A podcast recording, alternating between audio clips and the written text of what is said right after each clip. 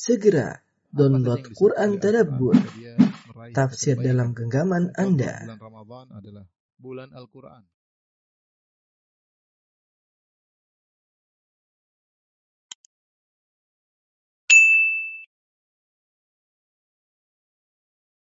Bismillahirrahmanirrahim. Assalamualaikum warahmatullahi wabarakatuh. Alhamdulillahi ala ihsanihi wa syukru lahu ala taufiqihi wa amtinani. Asyhadu an la ilaha illallah wahdahu la syarika lahu ta'zimun li sya'ni wa asyhadu anna Muhammadan abduhu wa rasuluhu da'i ridwani. Allahumma salli alaihi wa ala alihi wa ashabihi wa ikhwani. Ibu-ibu yang dirahmati oleh Allah Subhanahu wa taala, kita melanjutkan bahasan kita dari tafsir uh, juz 29 dan pada kesempatan yang bahagia ini kita akan membahas tentang tafsir surat Al-Muzammil ya. Al-Muzammil. Al-Muzammil artinya orang yang berselimut ya, orang yang berselimut. Surat ini diperselisihkan oleh para ulama apakah dia termasuk dari surat Al-Madaniyah atau surat Al-Makkiyah ya eh, yaitu diturunkan di ketika Nabi masih di Mekah ataukah diturunkan ketika Nabi sudah berhijrah ke kota Madinah. Namun mayoritas ulama berpendapat bahwasanya surat ini adalah surat Makkiyah. Dan selalu saya ingatkan bahwasanya di antara ciri-ciri surat Makkiyah yaitu berbicara tentang iman kepada hari akhirat, eh, bantahan terhadap orang-orang kafir Quraisy ya.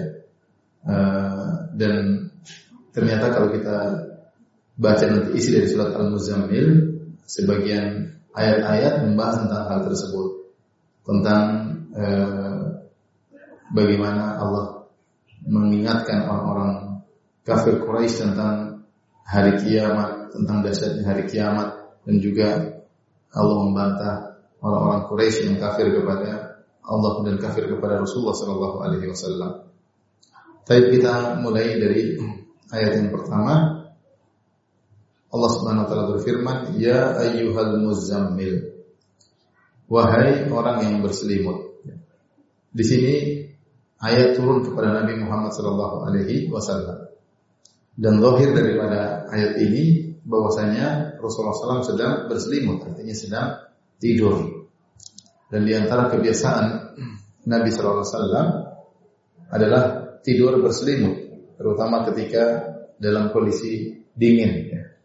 Sebagaimana dalam satu hadis ketika Rasulullah Shallallahu Alaihi Wasallam turun dari Gua Hira dalam kondisi ketakutan, maka Nabi berkata kepada Khadijah radhiyallahu taala anha, "Zammiluni, zammiluni." Selimuti aku, selimuti aku. Jadi Rasulullah SAW sedang tidur dalam kondisi berselimut dan ini menunjukkan uh, tidur yang pulas ya. Kita bayangkan tidur pakai selimut bisa jadi di musim dingin ya. Kemudian Allah Subhanahu wa taala memanggil Nabi, "Ya ayyuhal muzammil, wahai yang berselimut." Uh, dipanggil buat apa? Qumil laila illa qalila. Bangunlah engkau untuk sholat malam. Ya. Jadi uh, metode Allah ketika memanggil Nabi dengan menyebut sesuatu yang sedang dipakai oleh Nabi, wahai yang sedang berselimut ini kata para ulama adalah bentuk al-mulatafah. Mulatafah itu bentuk kelembutan ya kepada yang dipanggil. Dan ini adalah kebiasaan orang Arab. Orang Arab kalau apa kelembutan memanggil seseorang maka dia memanggil seseorang dengan yang sedang dialami oleh orang tersebut. Seperti ketika Nabi Shallallahu Alaihi Wasallam membangunkan Ali bin Abi Thalib yang sedang tidur di Masjid Nabawi sementara tubuhnya penuh dengan tanah, maka Rasulullah SAW berkata, "Kum ya Abu Turab." Wahai bangunlah wahai Abu Turab yaitu orang yang sedang dipenuhi oleh tanah. Jadi ini metode tidak dipanggil namanya tapi dipanggil dengan kondisi orang tersebut ini adalah bentuk metode orang Arab dalam kelembutan terhadap yang dipanggil. Seperti Nabi SAW juga pernah berkata kepada seorang sahabat kalau tidak salah Hudzaifah, kata Rasulullah SAW, "Kum ya Nauman." Bangunlah orang yang sedang tidur. Ya. Demikian juga ketika Allah memanggil Nabi SAW, Allah menyebutkan kondisi Nabi yang sedang berselimut. Yang ini menunjukkan Allah memanggil Nabi dengan penuh kelembutan kemudian Nabi sedang tidur pulas, ya. dan Nabi sedang dalam kelezatan tidur, pakai selimut, ya. bisa jadi di samping istrinya Khadijah radhiyallahu taala anha, maka Allah memanggil Nabi, ya ayyuhal muzammil, wahai yang sedang berselimut, buat apa kumil laila illa qalila, bangunlah malam, sholat malam illa qalila, itu sholatlah semalam penuh kecuali sedikit kau tidak sholat nisfahu aw yanqus minhu qalila. Salatlah setengah malam atau kurangi sebentar, kurangi sedikit. Au zid alaihi wa ratil Qur'ana tartil atau kau salat lebih dari setengah malam. Ini adalah awal surat Al-Muzammil termasuk surat-surat yang awal turun kepada Nabi Shallallahu alaihi wasallam. Ternyata di awal-awal dakwah Nabi wasallam ya dan itu di masa-masa yang sangat berat Ternyata Allah Subhanahu wa taala menyuruh Nabi Shallallahu alaihi wasallam untuk sholat malam. Oleh karenanya surat Al-Muzammil ini disebut oleh para ulama dengan zadud da'iyah, bekal seorang dai. Seorang dai contohnya Rasulullah SAW ketika dia siang hari dia akan berhadapan dengan banyak permasalahan, mendakwahi Abu Jahal, Abu Lahab, mendakwahi orang-orang kafir Quraisy yang mengintimidasi, orang Quraisy yang memusuhi isu-isu yang sedang disebarkan bahwa Rasulullah SAW orang gila, berbagai macam masalah di siang hari. Oleh karenanya agar Nabi Shallallahu Alaihi Wasallam kuat menghadapi permasalahan itu semua di siang hari, Allah menyuruh Nabi untuk sholat di malam hari. Karena sholat di malam hari merupakan bekal bagi seorang dai. Jadi imannya harus dicarger di malam hari. Agar ketika di siang hari beliau Shallallahu Alaihi Wasallam kuat dalam menyampaikan uh, tugas risalah, tugas risalah. Dan ini meskipun para ulama menamakan surat Al-Muzammil dengan bekal seorang dai, pada kenyataannya ini bekal bagi kita semua, bagi ibu-ibu sekalian, bagi kaum muslimin dan kaum muslimat. Kita butuh untuk mencartir iman kita di malam hari, meskipun setengah jam, meskipun seperempat jam, kalau bisa satu jam. Karena di siang hari kita akan berhadapan dengan berbagai macam problematika kehidupan. Problematika kehidupan rumah tangga, bertetangga, problematika medsos, macam-macam. Kita harus punya bekal charger iman yang kuat sehingga Allah membimbing kita ketika di siang di siang hari. Oleh kita semua perlu untuk meresapi makna dari surat Al-Muzammil. Namun ketika Allah Subhanahu wa taala menyuruh Nabi untuk sholat malam maka berat di awal di awal-awal Allah suruh sholat malam semalam suntuk kecuali sedikit. Kata Allah kumil laila sholatlah semalam suntuk illa qalila kecuali sedikit kau tidak sholat. Artinya kalau malam itu 8 jam, taruhlah kita misalnya pada isya misalnya jam jam 8 misalnya jam 8 kemudian subuh misalnya jam 4 ya 8, 9, 10, 11, 12, 1, 2, 3, 4, taruhlah 8 jam malam itu, maka Rasulullah disuruh sholat mungkin 6 jam. Bayangkan ini di awal-awal dakwah, disuruh sholat 6 jam. Kumil laila illa qalila. Sholatnya semalam suntuk kecuali sedikit. Artinya jangan 8 jam sepenuhnya tapi 6 jam. Nisfahu atau kau sholat setengah malam itu 4 jam. Awin kusmin qalila atau tiga setengah jam atau tiga jam kurangi sedikit. Auzidi alaihi atau kau tambah dari setengah jam itu lima jam. Subhanallah. Jadi Allah Subhanahu wa taala menyuruh Nabi untuk sholat dalam waktu yang panjang, enam jam atau tiga empat jam atau enam jam atau lima jam atau empat jam atau tiga jam. Ini di awal-awal dakwah Nabi Shallallahu Alaihi Wasallam. Dari sini, eh, ibu dirahmati oleh Allah Subhanahu Wa Taala, Para ulama mengambil uh, mengambil faedah bahwasanya sholat malam itu yang penting adalah durasinya. Berapa lama kita sholat malam? Mau sholat setengah jam boleh, satu jam boleh, dua jam boleh, tiga jam boleh. Yang penting durasinya, ya. setengah malam, seperempat malam, sepertiga malam, silakan yang semampu kita untuk kita lakukan. Yang penting kita sholat, sholat malam. Ya. Mau sholat dengan sebelas rakaat boleh, kalau kita punya hafalan-hafalan yang panjang sehingga dengan 11 rakaat kita bisa sholat berjam-jam. Tapi kalau kita nggak punya hafalan, kita boleh sholat lebih dari 11 rakaat. Mau 20, mau 30, yang penting durasinya panjang. Oleh karenanya dalam satu hadis kata Rasulullah SAW, ya, eh, ahabbu salati ila Allah salatu Daud. Salat yang paling disukai oleh Allah adalah salatnya Nabi Daud alaihissalam. Karena yanamu nisfal lail. Nabi Daud tidur setengah malam. Wa yakumu thulutsahu. Lihat Nabi Daud salat malam sepertiga malam. Wa yanamu sudusahu. Kemudian beliau tidur lagi seperempat malam. Jadi Rasulullah mengabarkan salat yang sangat dicintai oleh Allah di antaranya salat Nabi Daud yang dia salat malam sepertiga malam. Nah, kita mengikuti Nabi Daud boleh karena Rasulullah SAW menyampaikan dari sini dalam rangka motivasi. Jika seorang sholat sepertiga malam, oke. Okay. Sepertiga malam ya mungkin tiga jam, dua setengah jam, tiga jam atau dua setengah, uh, atau tiga, ya, tiga jam atau dua setengah jam. Jadi uh, yang penting kita berusaha untuk sholat malam. Allah mengatakan kumil laila inna qalila salatlah malam sepenuhnya atau kurang sedikit atau nisfahu aw inqus qalila. Salat setengah malam atau kurangi dari setengah malam au zid alaihi warattil Qur'ana tartil atau kau tambah dari setengah malam dan baca Al-Qur'an dengan tartil. Baca Al-Qur'an dengan tartil.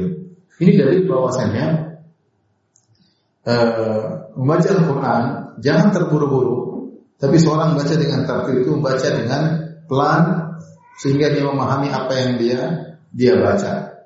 Oleh karena disebutkan dalam hadis di hari kiamat kelak yuqalu li sahibil Qur'an dikatakan kepada ahli Al-Quran, Iqra wartaqi warattil kama kunta turattil fid dunya. Bacalah Al-Quran dan naikkanlah naiklah derajatmu di surga. Warattil dan bacalah dengan tartil. Kama kunta turattil fid dunya sebagaimana ketika di dunia engkau membaca dengan tartil. Jadi uh, baca Quran kita berusaha jangan terburu-buru tartil. Karena tujuan kita baca Al-Quran adalah bukan kita khatam satu juz, kita khatam dua juz. Ya. Tapi kita berusaha baca dengan memahami maknanya. Ya. Ini ya, oleh karena saya ingatkan kepada ibu-ibu yang dirahmati oleh Allah Subhanahu Wa Taala, uh, sisihkan waktu ketika baca Al-Quran, baca juga terjemahannya. Kita nambah iman kita. Ya. Orang mungkin sedang sibuk ini, sedang sibuk. Kita buka Al-Quran, kita baca terjemahannya, kita baca tafsirnya, sehingga kita mengerti apa yang kita apa yang kita baca. Itulah yang menambah iman. Itulah yang menambah iman. Oleh karenanya baca Al-Quran disunahkan dengan membacanya secara tartil, tidak buru-buru ya. Tidak buru-buru. Makanya kalau kita lihat praktek sebagian orang yang sholat tarawih, itu apa yang apa yang dia pahami? Apa yang cuma capek, letih. Makanya kata Rasulullah SAW, uh, rubba qa'imin laisa lahu min khiyamihi illa ta'ab wa sahar. Betapa banyak orang yang sholat malam namun dia tidak mendapatkan sholat malamnya kecuali hanya letih dan begadang. Jangan baca pelan-pelan, tartil. Kita nikmati bacaan tersebut. Karena ketika kita memahami maknanya itulah akan memberikan iman dalam memberikan iman dalam diri kita. Uh, makanya Mujahid berkata, "Ahabbun nasi fil qiraah ila Allah aqalluhum anhu." Orang yang paling dicintai oleh Allah ketika membaca Al-Qur'an adalah yang paling mengerti tentang apa yang dia baca. Bukan yang paling cepat, bukan yang paling banyak, yang indah. Ya, jadi eh, apa namanya? Rasulullah menyuruh kita, Allah menyuruh kita baca dengan tertib. Makanya kita juga dianjurkan membaca Al-Quran dengan melantunkannya, dengan menadakannya, agar kita menikmati. Kata Rasulullah SAW, Zayyinul Qur'an bi aswatikum. Hiasilah Al-Quran dengan suara kalian. Jadi kita disuruh baca sambil melakukannya. Agar kita menikmati bacaan tersebut dan kita bisa merenungkan maknanya. Kalau kita baca, Maliki kadang gimana kita mau mengerti? Alif lam dari kita mulai kita nggak akan ngerti. Kita baca pelan-pelan sambil kita lakukan sambil kita renungkan. Bahkan Rasulullah berkata, "Laisa minna man yatawalla bil Qur'an." Bukan dari golonganku orang yang tidak melakukan bacaan Al-Qur'an. Makanya uh, Abu Hasan Al-Asy'ari ketika baca Al-Qur'an dengan lantunan yang indah, Rasulullah SAW memuji dengan berkata, "Laqad utiya hadza mizmarun min mazamir Ali Daud." Sungguhnya Abu Musa Al-Asy'ari telah diberikan suara indah seperti suara keluarga Daud. Tapi jadi yang ingin saya ingatkan, ibu dirahmati Allah Subhanahu Wa Taala, kita membaca Al-Quran bukan yang penting target sampai satu juz, dua juz, bukan itu. Itu tidak kurang menambah iman. Bukan bukannya tidak boleh, boleh kita baca Quran. Tapi yang menambah iman itu kalau kita baca pelan-pelan, kita baca terjemahannya, apalagi kita baca tafsirnya.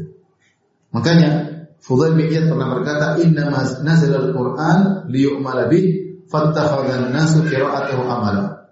Sungguhnya Al-Qur'an diturunkan untuk diamalkan, tetapi orang-orang menjadikan membacanya saja cukup sebagai amalan. Artinya Fudail bin Iyad mengingatkan, sebagian orang menganggap kalau baca sudah selesai. Baca itu adalah mengamalkan Al-Quran. Al-Quran tujuannya untuk dibaca. Padahal Fudail mengingatkan bukan itu. Yang benar Al-Quran itu dibaca untuk dipahami kemudian baru diamalkan. Nah, bagaimana kita bisa memahami kalau kita baca dengan cepat? Kita baca pelan-pelan, baca terjemahannya, baca lagi, baca terjemahannya. Setelah kita menikmati Al-Quran. Subhanallah ibu-ibu kita ini apa namanya hidup di zaman yang orang banyak lari dari Al-Quran, orang banyak dari Al-Quran. Waktu kita habis untuk lihat berita-berita di medsos, waktu kita habis untuk komentar sana komentar sini, waktu kita habis untuk membalas WhatsApp di grup, ya, waktu kita habis untuk melihat komentar di Facebook, ya. Subhanallah, sementara kita tidak atau kurang memiliki waktu untuk membaca Al-Quranul Karim. Ya. Padahal itulah kitab kebahagiaan. Allah turunkan kitab ini Al-Quran untuk kita. Maka kita berusaha untuk memahaminya. Sampai sebagian mengatakan ibarat kalau orang ada kasih buku, kasih buku sama kita buku bacaan, kita berusaha memahami apa sih maksud bacaan ini. Gampangnya kalau kita baca novel lah, baca cerita, satu cerita. Kita pengen baca ini apa maksudnya? Ini maksudnya buku ini apa maksudnya? Kita ingin tahu.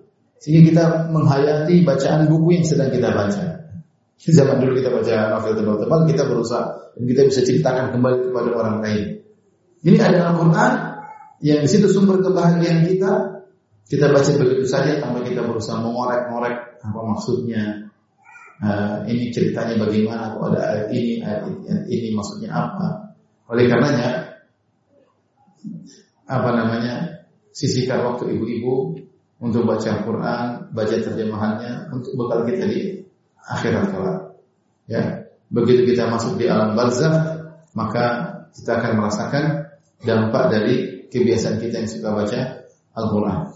Allah berfirman setelah itu, Inna sanulqi alaika qawlan thaqila. Sungguhnya kami akan menurunkan perkataan yang berat kepadamu. Allah ingatkan, wahai Muhammad, kami akan menurunkan kepada engkau perkataan yang berat. Perkataan yang berat ini maksudnya Al-Quran firman-firman Allah. Nah, kenapa firman Allah Al-Quran disebut dengan perkataan yang berat? Maka ada khilaf di kalangan para ulama. Ada yang mengatakan perkataan berat sesuai dengan zahirnya. Memang Al-Quran kalau lagi turun kepada Nabi, Nabi merasa berat. Nabi merasa berat. Sampai kalau lagi turun, meskipun musim dingin, maka keluarlah keringat Nabi bercucuran seperti lagi fasdu. Seperti lagi fasdu. Fasdu kan kalau keluar darah keluar dengan bercucuran deras maka ketika Jibril datang kepada Nabi menyampaikan Al-Quran, meskipun musim dingin maka Nabi bercucuran keringat karena berat Al-Quran itu. Ya, demikian juga Nabi SAW kalau lagi naik kendaraan atau onta, kemudian turun Al-Quran maka onta tersebut keberatan dengan posisi Nabi di di atasnya. Bahkan Nabi kalau lagi sedang bersandar kepada seorang sahabat, kemudian turun Al-Quran, sahabat itu merasa berat sekali. Berarti Rasulullah SAW sedang diturunkan Al-Quran kepadanya. Jadi memang Al-Quran itu berat ya. Al-Quran itu berat. Namun pendapat yang lebih kuat Allah alam bisawab yang dimaksud dengan Al-Quran itu adalah perkataan yang berat. Maksudnya Al-Quran itu kandungannya dalam dan pertanggungjawabnya besar. Al-Quran itu kandungannya dalam dan pertanggungjawabannya besar. Maka seorang uh, tidak boleh sembarang berbicara tentang Al-Quran dan seorang tahu bahwasanya uh, syariat Allah itu adalah dalam dan berat pertanggungjawabannya. Oleh karenanya ketika Al-Imam Malik rahimahullah taala datangi oleh seseorang dan Imam Malik ditanya 100 pertanyaan tentang masalah agama. Ditanya 100 pertanyaan. Dan uh, Imam Malik ternyata dari 100 pertanyaan tersebut dia hanya menjawab beberapa pertanyaan. Dia tidak jawab semuanya. Maka akhirnya ada orang yang mengatakan, wahai Imam Malik, masalatun khafifatun sahla. Ini masalah ringan. Kenapa kau tidak jawab? Ya, maka Imam Malik pun marah dengan berkata, "Laisa fil ilmi syai'un khafif." Tidak ada masalah ilmu yang ringan dalam agama, semuanya berat. Amma sami'ta qala Allah Ta'ala, tidakkah kau dengar Allah berfirman, "Inna sanulqi 'alaika qawlan thaqila." Sungguh kami akan memberikan kepada engkau yang menurunkan kepada engkau perkataan yang berat. Fal ilmu kulluhu thaqil. Maka seluruh ilmu dalam agama adalah perkara yang berat, tidak mudah, tidak mudah pertanggungjawabannya. Wa khasatan ma yus'alu anhu yaumal qiyamah. Terlebih lagi yang akan ditanya pada hari kiamat kelak. Ya. Jadi Al-Quran disifati berat karena kandungannya yang dalam dan pertanggungjawabannya ya, yang berat. Ini peringatan kepada orang-orang berbicara tentang agama agar hati-hati. Allah mensifati Al-Quran, ilmu agama dengan sesuatu yang berat. Maka jangan seorang menggampangkan, meremehkan, asal bunyi, asal ngomong, uh, menjawab dengan seenaknya, tidak, ya, tidak sembarang. Ketika seorang berbicara tentang ilmu agama, maka semuanya dia telah berbicara atas nama Allah Subhanahu wa taala. Makanya di zaman Imam Malik ada gurunya bernama Rabi'ah, Rabi'ah Rai. Dia menangis. Maka seorang datang kepada dia, wahai fulan, gurunya Imam Malik, Rabi'ah.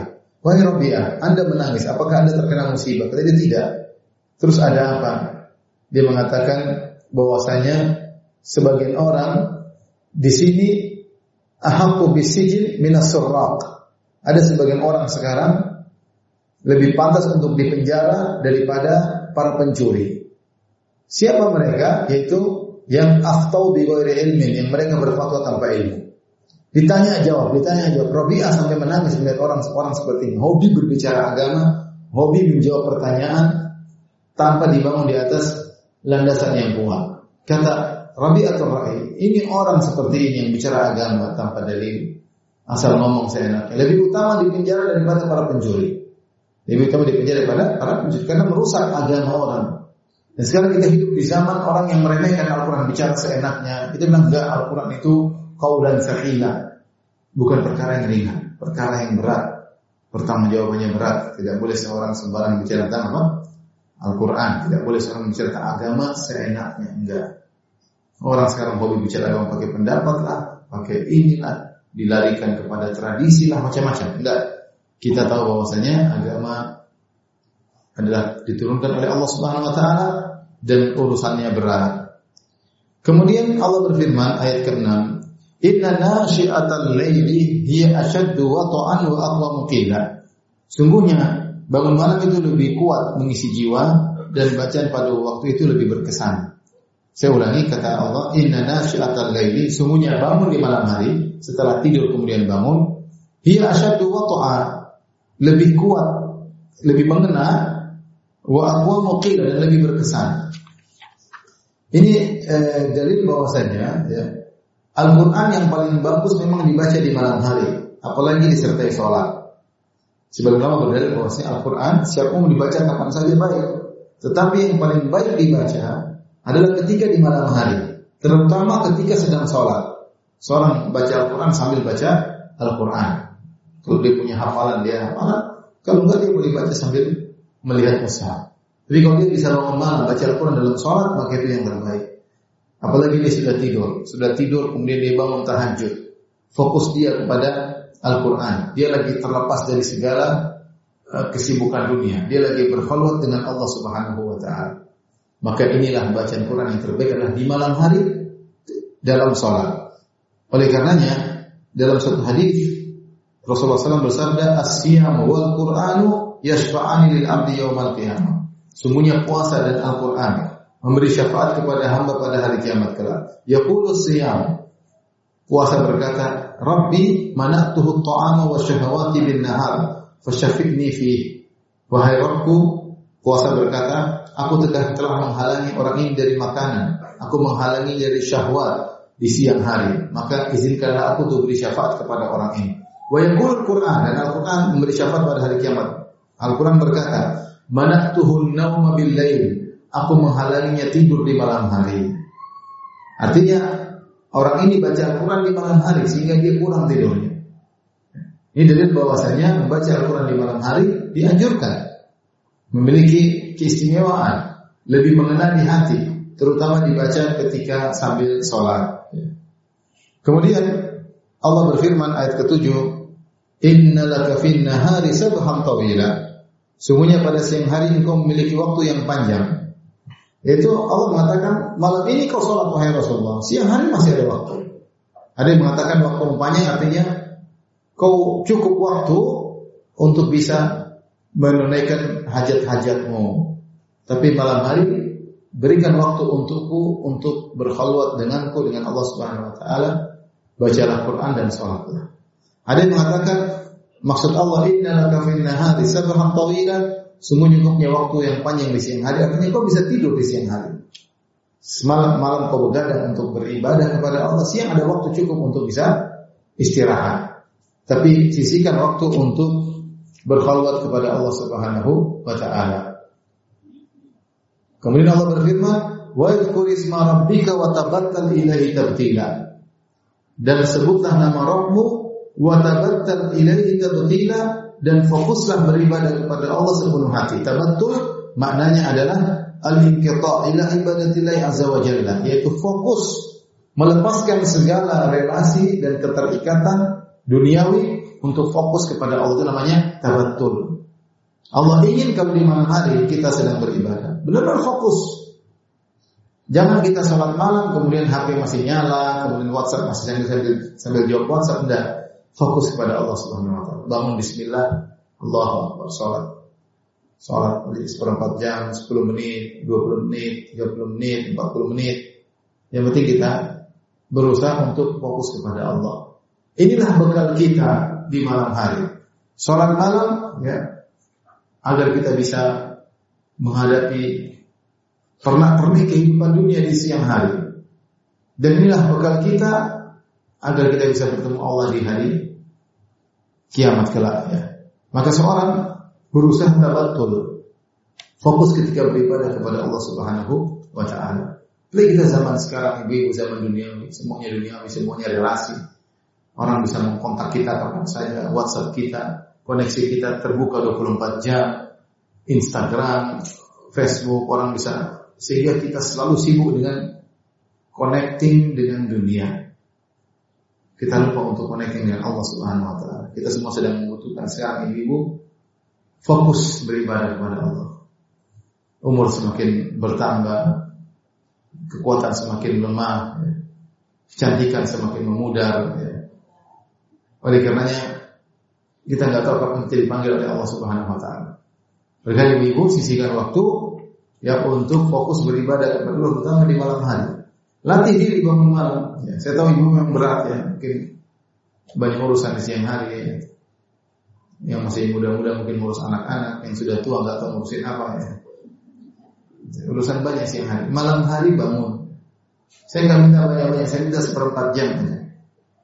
Cimuka bangun berdoa, sholat satu tiga rakaat, lima rakaat berdoa kepada Allah, curhat kepada Allah, minta berdoa ya Allah bagaimana dengan saya ini minta husnul khatimah. Ya Allah ingin di alam barzah mendapatkan taman surga di alam barzah, ingin dibangkitkan dengan keselamatan, ingin dihisap dengan hisap yang ringan, ingin bisa melewati sirat dengan nyaman, ingin dimasukkan surga, ingin dikuburkan bersama keluarga di surga telah. Ya Allah tutuplah aib-aibku di dunia, tutuplah aib-aibku di akhirat. Banyak yang kita minta. Ya Allah anak-anakku, perhatikan mereka. Ya Allah jagalah agama mereka, bimbinglah mereka. Banyak kita mendoakan, Ya Allah kedua orang tua sudah meninggal dunia. Ya Allah berilah cahaya pada kuburan mereka. Tingkatkanlah derajat mereka, ampun dosa-dosa mereka. Banyak yang kita minta. Di, di siang hari sibuk menurut sibuk WhatsApp, sibuk Instagram, sibuk lihat ini lah, lihat anu lihat komentar ini, komentar anu, berita ini, berita anu ya, berita artis, berita politik, itu macam-macam. Oleh karenanya jangan lupa ada watabattal ilahi tabtila. Wazkur isma rabbika sebutlah nama Rabbmu yaitu berdoa dengan bertawassul dengan nama Allah. Watabattal ilahi tabtila fokuslah engkau untuk berdoa kepada Allah Subhanahu wa taala. Selain Allah berfirman ayat ke-9, Rabbul masyriqi wal maghribi la ilaha illa huwa fattakhidhu wakila. Dialah Allah yang mem, mem, yang memiliki timur dan barat Tidak ada yang berhak disembah kecuali Dia semata. Fattakhidhu wakila, jadikan Allah sebagai pelindungmu, sebagai penolongmu. Di sini Allah mengingatkan ya, agar bertawakal kepada Allah. Karena dialah Allah yang menciptakan alam semesta. Dia yang menguasai langit dan bumi. Dia yang menguasai timur dan barat. Semua dari timur dan barat milik Allah Subhanahu wa taala. Dia yang mengatur segalanya. Allah Subhanahu wa taala di atas arus dan seluruh yang di bawah arus di bawah aturan Allah Subhanahu wa taala. Yudabbirul amra minas sama'i ila al-ardi. Aturan Allah turun dari langit sampai ke bumi. Semuanya diatur oleh Allah Subhanahu wa taala. Tidak ada satupun yang kecil dari alam semesta ini dari makhluk yang luput dari pantauan Allah Subhanahu wa taala. Allah berfirman, "Wa ma tasqutu min illa ya'lamuha." Tidak ada satu daun pun yang jatuh kecuali Allah mengetahuinya. Kenapa? Karena semua ciptaan Allah dan semua yang Allah ciptakan Allah tahu tentang ciptaannya. Allah ya'lamu man khalaq. Bukankah sang pencipta tahu tentang kreasinya, sang kreator, pencipta tahu tentang hasil ciptaannya. Dan semua yang terjadi dalam semesta ini di atas aturan Allah Subhanahu wa taala. Karena Allah penguasa langit dan bumi, maka bertawakallah kepada Allah. Jangan bertawakal kepada manusia, jangan bertawakal kepada diri sendiri. Kita boleh ikhtiar, tapi hati kita bersandar kepada Allah. Subhanallah, betapa sering kita terpedaya. Kita bersandar kepada sebab duniawi, kepada materi kehidupan kita. Kita lupa kepada sang penentu akibat. Dia Allah Subhanahu wa taala. Di situ terkadang kita gagal. Di penghujung sebentar lagi berhasil, kita terjungkal. Kenapa? Kita tidak menyerahkan urusan sepenuhnya kepada Allah Subhanahu wa taala. Maka Allah ingatkan, la ilaha illahu, Rabbul Masyriqi wal Maghrib, penguasa timur dan barat. La ilaha illahu, tidak ada yang berhak disembah kecuali Allah. Fattakhidhu wakila. Jadikan Allah sebagai penolong. Yaitu bertawakallah kepada Allah Subhanahu wa taala. Ibu-ibu, kita butuh tawakal dalam segala hal. Dalam menjalankan kehidupan rumah tangga kita butuh bertawakal. Kita ini kemampuannya terbatas. Tidak semua apa yang kita lakukan disenangi oleh suami kita. Tidak semua apa yang kita lakukan disenangi oleh istri kita. Tidak semua yang kita lakukan bisa mengurusi anak-anak kita. Kita mengurus keluarga saja, butuh tawakal. Ikhtiar tapi serahkan kepada Allah. Yang penting sudah berusaha secara maksimal. Ya. Dalam bekerja kita butuh tawakal, rezeki kita butuh tawakal. Sampai beribadah pun butuh tawakal. Kata Allah, fa'buduhu wa tawakkal alaih. Beribadahlah kepada Allah dan bertawakallah kepada Allah ketika sedang beribadah. Umroh bertawakal, haji bertawakal, pengajian bertawakal, salat bertawakal. Kata Allah, wa tawakkal 'alal azizir rahim hina taqum. Wa taqallubaka fis sajid. Bertawakallah kepada al azizir rahim kepada zat yang maha perkasa dan maha penyayang alladhi yaraka hina taqum yang melihat engkau ketika sedang berdiri salat. Wa taqallubaka sajid yang melihat engkau ketika kau sedang sujud.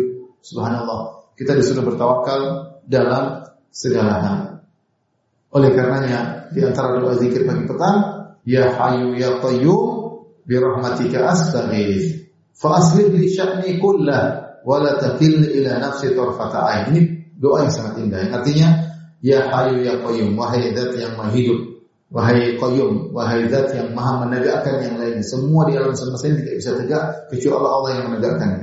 Birahmatika astaghith. Aku mohon rah dengan rahmatmu aku meminta pertolongan kepadamu ya Allah.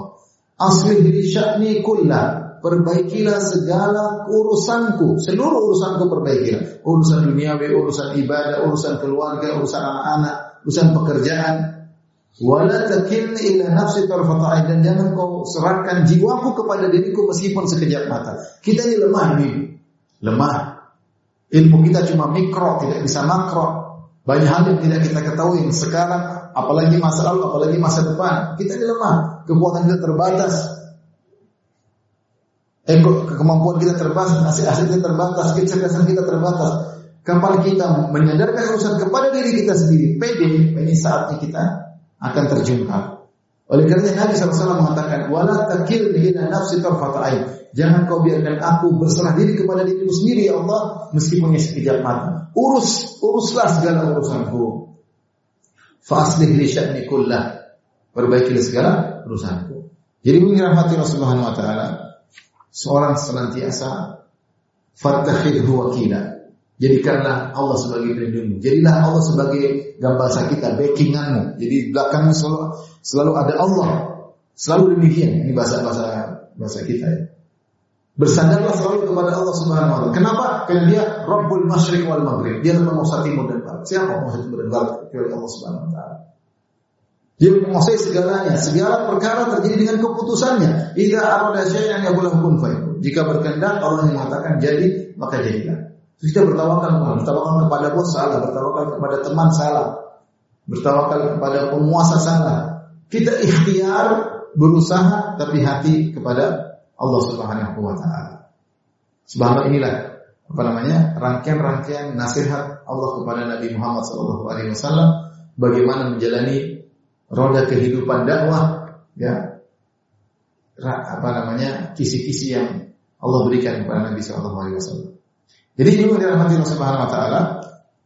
Eh, apa yang disampaikan Allah kepada Nabi SAW, maka kita berusaha juga menerapkan. Selalu dekat dengan Allah, selalu gantungkan hati kepada Allah Subhanahu Wa Taala. Dalam segala tinggal kita penting connecting ya Allah, tolong aku. Bismillah. Ketika Bismillah kita serius. Kita selalu bersandar kepada Allah, Maha tahu gerak dari hati kita. Allah Maha tahu. Tapi kita lanjutkan ayat yang ke-10. Kata Allah Subhanahu wa taala, "Wasbir 'ala ma yaquluna wahjurhum hajran jamila." Bersabarlah atas perkataan mereka, itu orang musyrikin yang mencela Nabi SAW dengan mengatakan Muhammad adalah pendusta, Muhammad adalah orang gila, Muhammad adalah sabi yang keluar dari tradisi nenek moyangnya, Muhammad adalah sahir penyihir, Muhammad adalah tersihir, Muhammad adalah dukun, omongan-omongan yang buruk tentang Rasulullah SAW. Allah berkata, wasbir ala ma yaqul. Sabar tentang ucapan-ucapan mereka yang tidak jelas, yang tidak benar. Wahjurhum hajran jamila. Allah suruh cuekin mereka. Kata Allah tinggalkanlah mereka dengan cara yang baik. Jangan digubrisi. Dia ngomong jalan terus berdakwah. Sampaikan al-haq. Jangan sedikit ngomong sedikit langsung tersinggung, langsung balas, langsung respon. Enggak, enggak perlu.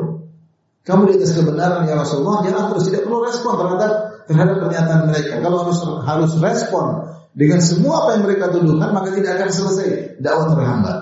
Dakwah terhambat. Caranya bagaimana? Cuekin. Tinggalkan dengan cara yang baik. Lanjutkan perjalananmu dalam menyampaikan al-haq. Wahjurhum hajuran jamila. Tinggalkanlah mereka dengan cara yang yang baik. Ini ini ini apa namanya? Allah menyuruh Nabi terutama ketika di Mekah awal-awal dakwah. Kalau semua perkataan Abu Lahab mau diurusin, kalau semua perkataan Abu Jahal mau diurusin, mau direspon oleh Nabi, Nabi kapan bisa berdakwah? Sibuk merespon mereka terus. Makanya kata Allah, tinggalkan. Jadi tidak semua orang yang ngomongin kita mau kita urusin, tidak. Kita berlapang dada. Nabi saja ada yang musuhi. Nabi, orang yang sempurna, yang paling lembut, yang paling akhlak mulia, yang paling murah senyum. Orangnya gagah, tidak ada kekurangan sedikit pun. Sangat cerdas itu pun banyak yang mencela dia, apalagi kita yang belum kekurangan. Apalagi kita yang belum kekurangan. Akhlak nggak beres. Tidak sabar. Ilmu kurang, penyampaian masih terbatas, masih terbatas-batas. Kalau ada yang musuhnya wajar sekali. Itu sudah sunnatullah. Sunnatullah Allah menciptakan Fir'aun, Allah menciptakan Nabi Musa. Allah menciptakan syaitan, Allah menciptakan uh, iblis, Allah menciptakan Jibril. Allah ciptakan Nabi SAW, Allah ciptakan Abu Abu Lahab, Abu Jahal. Dan demikianlah sunnatullah yang berlaku. Setelah itu Allah berfirman, jadi kalau kita berdakwah kita berharap tidak ada musuh sama sekali, itu mustahil. Gak mungkin. Kita berdakwah merasa tidak akan ganggu kita sama sekali, gak ada yang ganggu, itu mustahil. Jadi kita selalu cari muka, kita jadi penjilat, datang ke mana-mana kita puji semua kerusakan, kita puji semua kesesatan, kita puji semua bid'ah, kita semua puji ah, nah, mungkin gak ada yang celah kita. Itu pun pasti ada yang mencela. Sana cari muka, sana cari muka. Enggak. Sehingga kita tidak bernahi muka. Tidak bernahi muka. Tidak semua omongan orang terhadap kita kita respon. Jangan. Makanya dikatakan, kenapa? Ada yang mengatakan kenapa rusa kalau dikejar singa akhirnya ketangkap. Sebenarnya rusa lebih kencing daripada singa. Rusa lebih kencing daripada singa. Kenapa? Karena rusa itu kalau dikejar dia tengok-tengok belakang terus. Lama-lama ketangkap sama apa? Singa. Kalau dia lari terus, tidak usah tengok, dia akan lolos. Tapi kita lanjut ayat ke-11 ibu Wadarni wal mukadzibina ulil na'mati wa mahilhum qalila. Dan biarkanlah aku, yaitu Allah berfirman, biarkanlah aku yang bertindak, biarkanlah aku mengurusi terhadap orang-orang yang berdusta tersebut wahai Rasulullah. Yang aku yang uh, telah diberikan banyak kenikmatan hidup. Wa mahilhum qalila dan berilah mereka penangguhan sebentar. Jadi Allah mengatakan kepada Rasulullah, ada orang berdusta, itu pembesar-pembesar Quraisy seperti Abu Jahal, Al-Walid bin Mughirah dari Bani Makhzum ya. Mereka disebut oleh Allah ulil ni'mah, diberi kenikmatan. Mereka mungkin memiliki anak buah, mereka memiliki harta kekayaan, namun mereka mendustakan Rasulullah sallallahu alaihi wasallam. Mereka sombong. Kata Allah, "Wadharni, biarkan itu urusanku. Wa mahilhum qalilan." Tangguhkanlah urusan mereka sebentar. Aku akan mengurusi mengurusi mereka. Ya.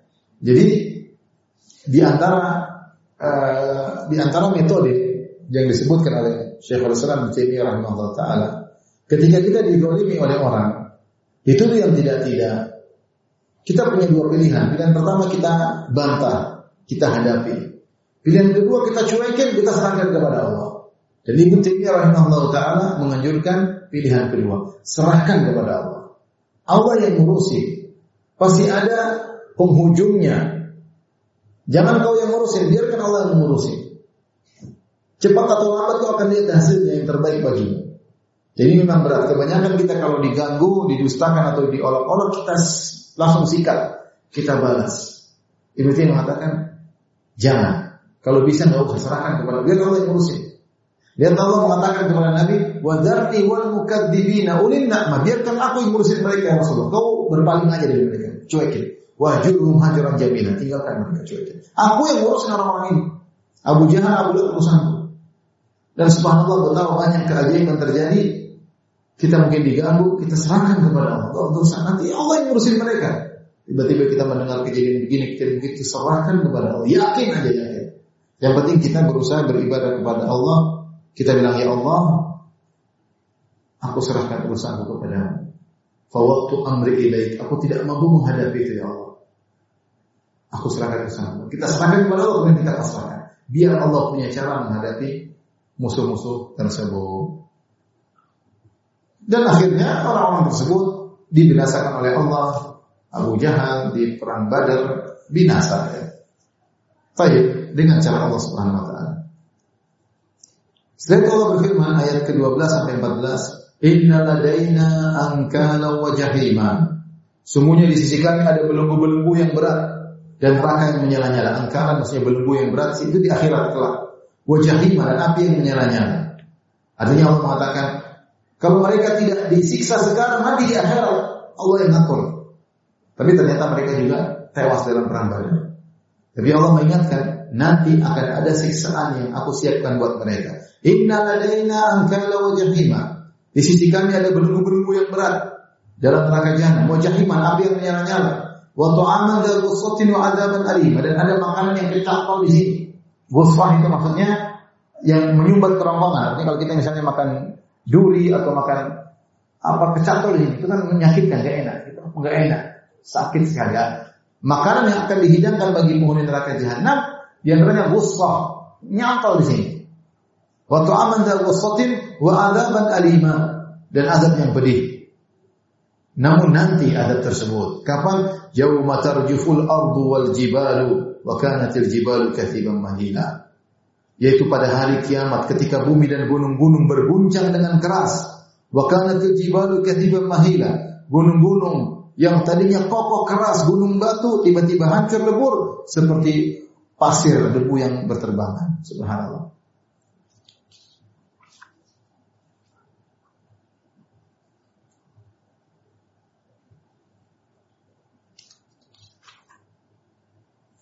Kemudian Allah Subhanahu wa taala berfirman, ayat ke-15 dan 16. Jadi, orang-orang yang berbuat zalim mungkin di mereka ditinggalkan.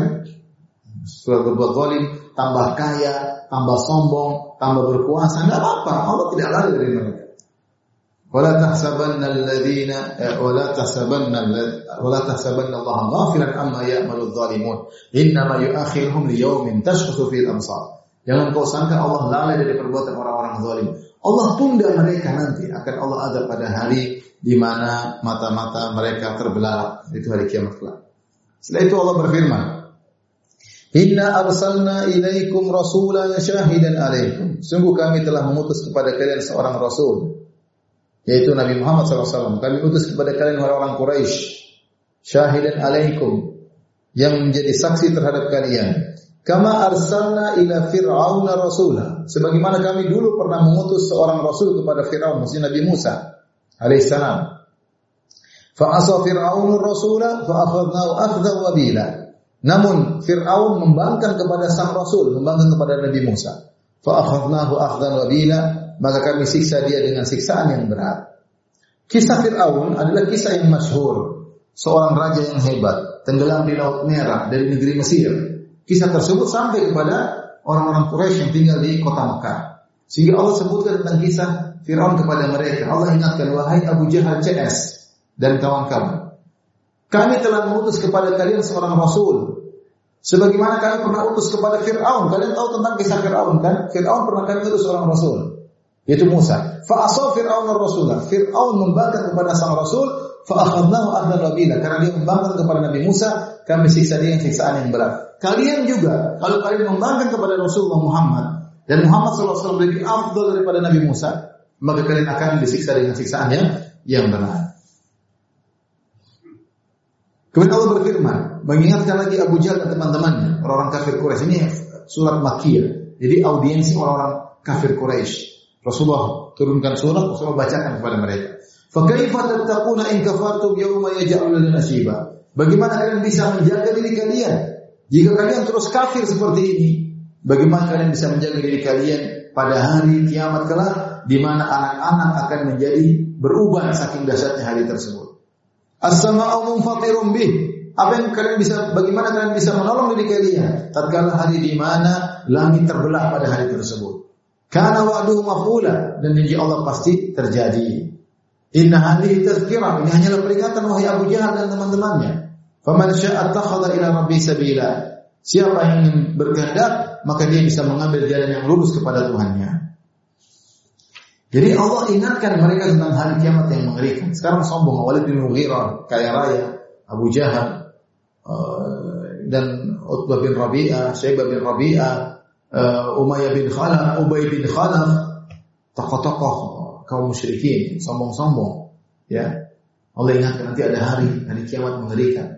Hari itu kalau ada anak kecil bertemu dengan hari tersebut, maka rambutnya langsung menjadi putih. Perubahan hormon yang dadakan, saking ketakutan yang luar biasa, rambut jadi putih. Hari tersebut bagaimana kau bisa kabur sementara langit terbelah, bintang-bintang berjatuhan. Kalau kau terus berkafir seperti ini, bagaimana kau bisa menyelamatkan dirimu pada hari tersebut? Ini hanyalah peringatan. Siapa ingin baik, maka silakan tempuh jalan yang, yang baik menuju Allah Subhanahu wa taala.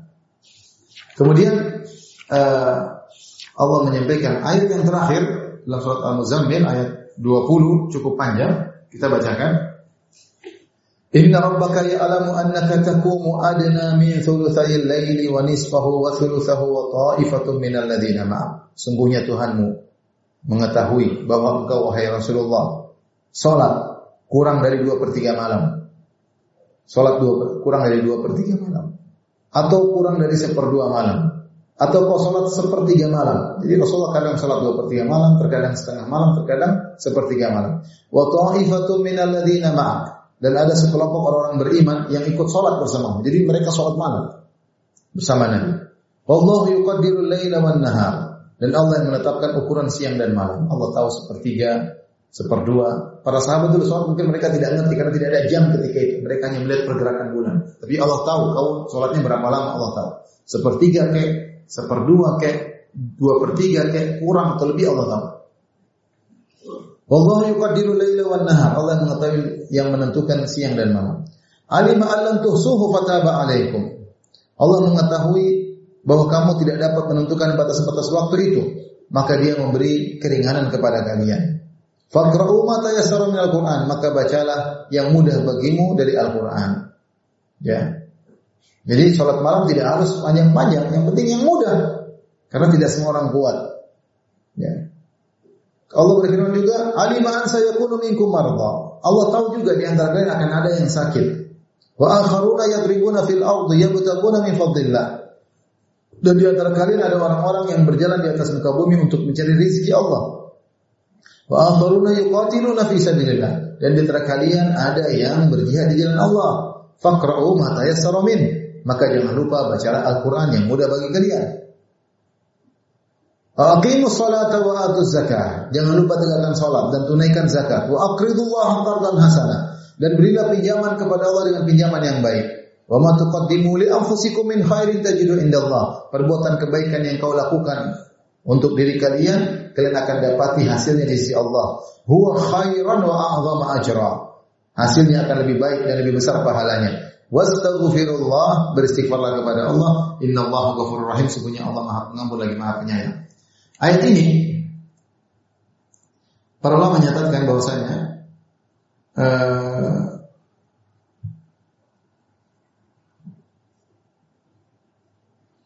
ayat ini menunjukkan ya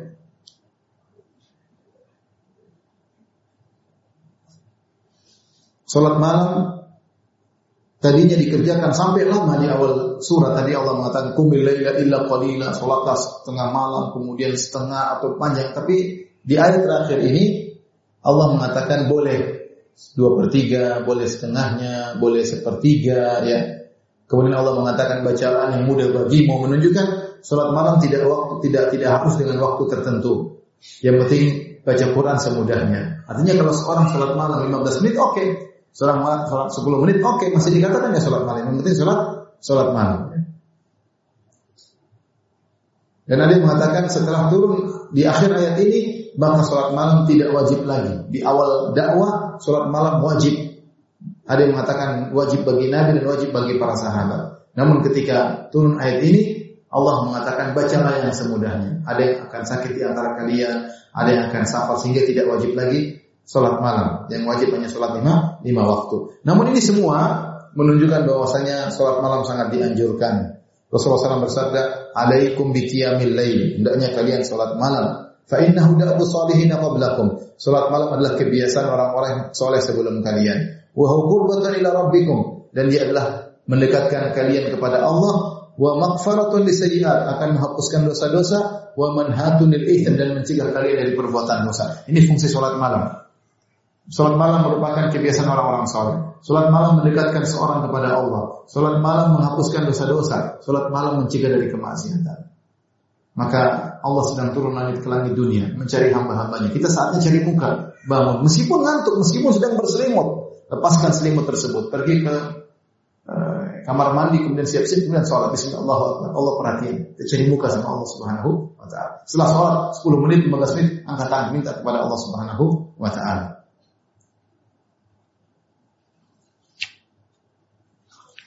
Makanya Rasulullah mengatakan salat malam adalah kebiasaan orang soleh.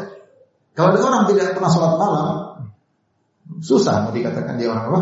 Soleh. Karena orang soleh di antara cirinya adalah sering sholat, sholat malam. Kemudian Allah mengatakan ya, di antara kalian ada yang sakit, di antara kalian ada yang bersafar, di antara kalian ada yang berjihad.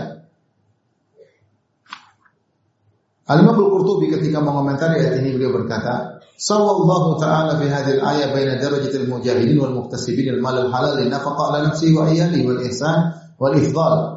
Fakan hadha dalil ala anna kasbal mal bi manzilatil jihad ya ahna jama'a wa ma'al jihad fi sabilillah. Di sini Allah gandengkan alima Allah saya alima Allah alima an sayakunu minkum marda wa akharuna yadribuna fil ardi yabtaguna fadlillah wa akharuna yaqatiluna fi sabilillah. Kata Allah di antara kalian ada yang berjalan di atas muka bumi untuk mencari nafkah, di antara kalian ada yang berjalan di atas muka bumi untuk berjihad. Di sini Allah gandengkan antara orang yang mencari nafkah dengan orang yang berjihad.